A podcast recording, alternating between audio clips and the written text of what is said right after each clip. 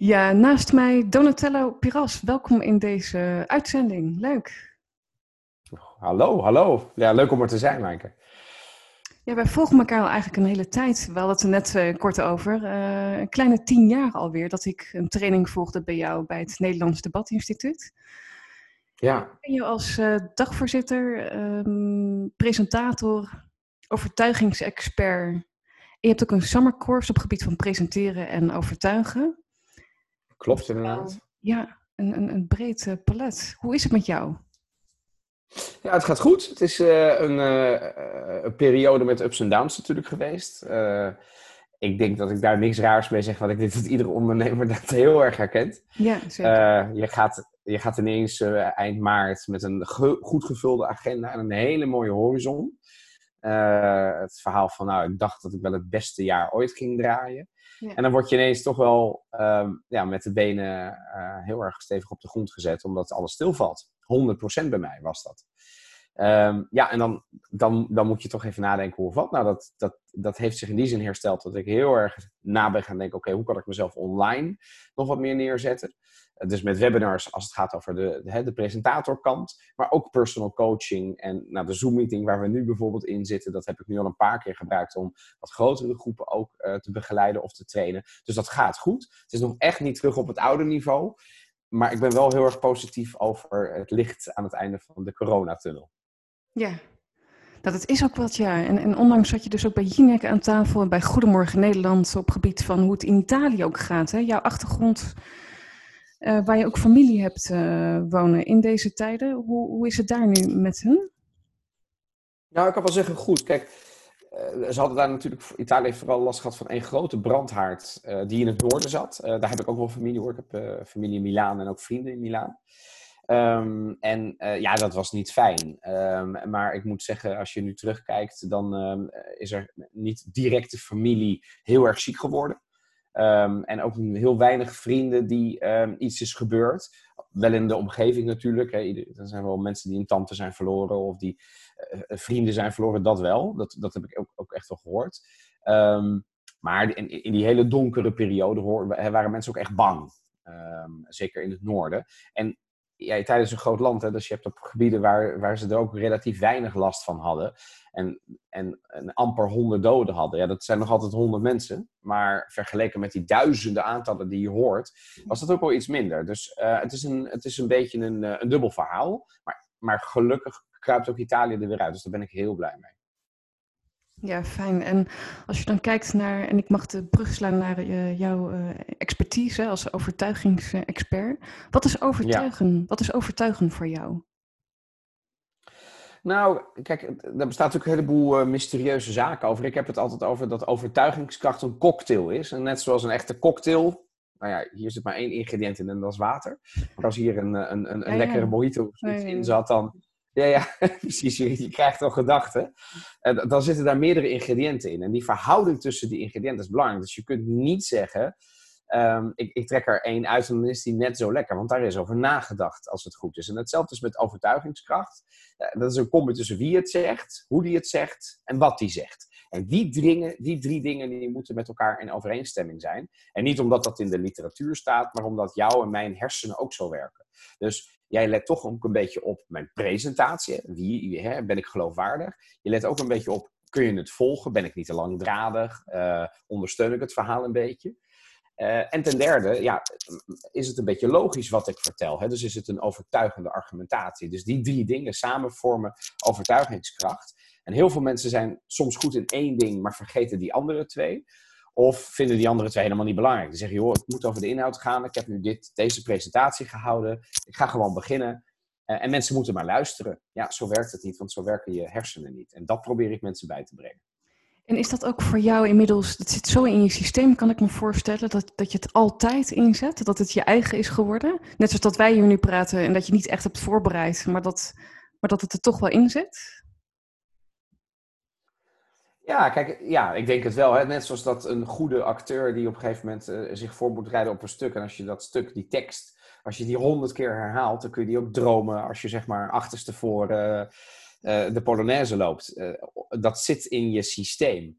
En dat, dat is met overtuigingskracht ook. Hè? Dus als ik nu een toespraak zou moeten houden, ja, dan heb ik een paar handvatten, zo noem ik ze. Het zijn geen trucjes, want ja, dat, dat, ja, dat, dat, dat is niet altijd, hè, dat is niet tijdloos. Maar dan heb ik een paar handvatten waar ik iets aan heb. Een goede structuur, beperking um, en vooral proberen om het vanuit mezelf te doen. Hè. Je eigen overtuigingskracht um, heeft te maken met je eigen uh, authenticiteit, met authenticiteit. Nederlanders vinden dat overigens heel erg belangrijk. Uh, misschien nog meer dan andere uh, mensen. Dat heeft ook een nadeel, namelijk in Nederland vinden we dus dat we niet te veel moeten trainen soms. Want ja, dan, dan ben je het niet meer authentiek. Daar ben ik het niet mee eens. Want die authenticiteit kun je wel trainen door het vaker te doen. En dan word je er ook behendiger in. Dan vind je het ook makkelijker. Um, en daarom um, ja, zit het er bij mij in. En dat komt gewoon. Ik heb heel veel vlieguren gemaakt. dat is het. Gewoon jarenlang voor groepen staan, het vertellen, met mensen praten. Uh, er veel over lezen natuurlijk, maar het vooral doen. Het is een vaardigheid.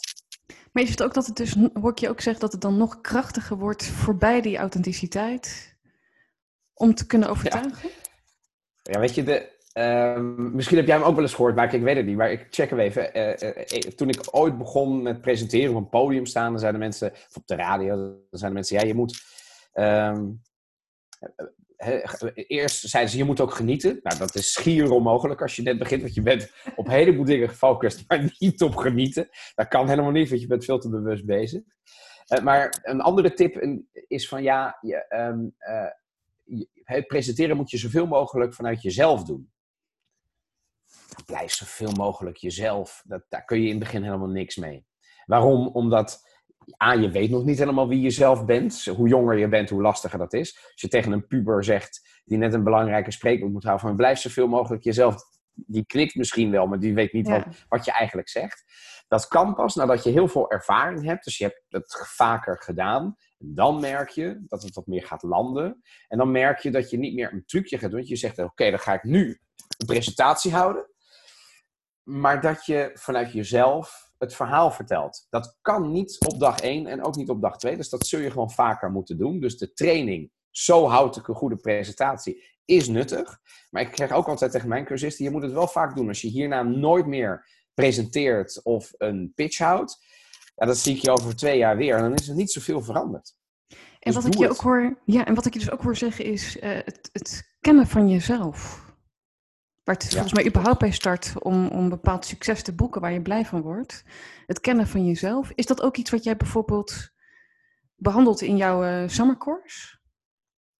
Nou, eh, kijk, het, het, is, het is onderdeel van, van, van het eerste. Hè. Uh, wie zegt het? Is, is, de, is degene geloofwaardig? En de oude Grieken noemden dat ethos met een mooi woord. En wij noemen dat tegenwoordig gewoon de presentatie.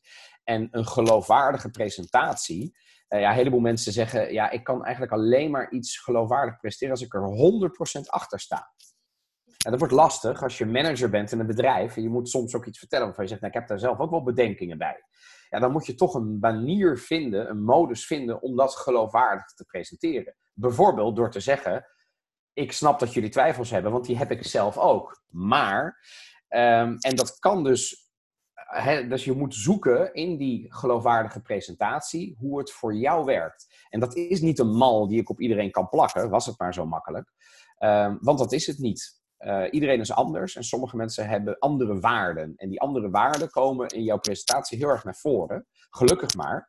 Als je het tenminste op een overtuigende manier wil doen. Dus als ik jou niet herken, als ik Maaike niet herken in de manier waarop jij bijvoorbeeld een vlog opneemt, ja, dan, dan is er waarschijnlijk iets. Hè. Dat, jij neemt jezelf heel erg mee. En als ik jou zie, dan, is het. Ja, nou, dat, dan, dan, dan is het misschien hier goed. Het klopt allemaal.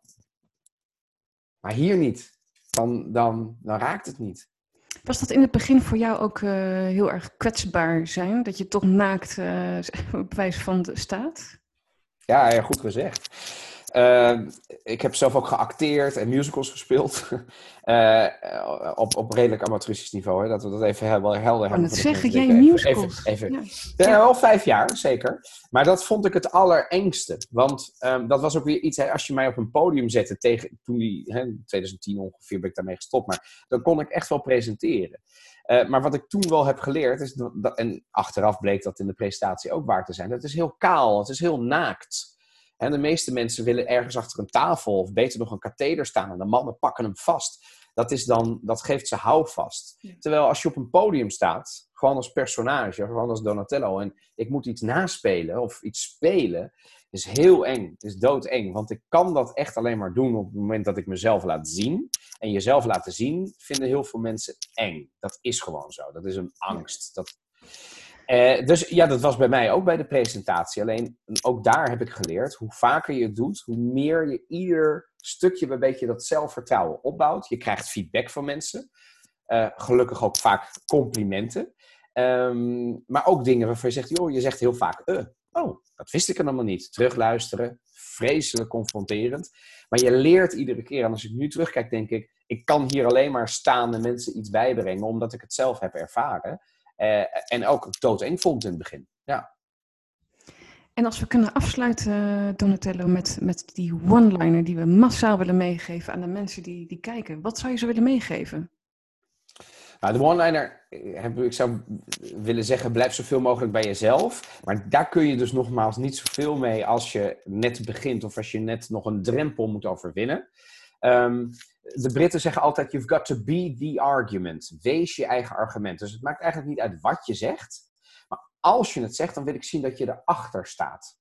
En dan doet het automatisch ook iets met je oogopslag en met je gebaren en met misschien ook je fysiek. Dus wees je eigen argument, wat je ook zegt, of dat nu een heel klein vlogje is, of dat nu een, een pitch is, of dat gewoon een projectoverleg is. Hoe gaan we na corona met elkaar door? Zorg dat als je iets zegt, dat je erachter staat. Dankjewel uh, voor jouw bijdrage. Ontzettend leuk. En uh, nou ja, wij blijven elkaar wel uh, volgen. Dankjewel. Graag gedaan. Succes.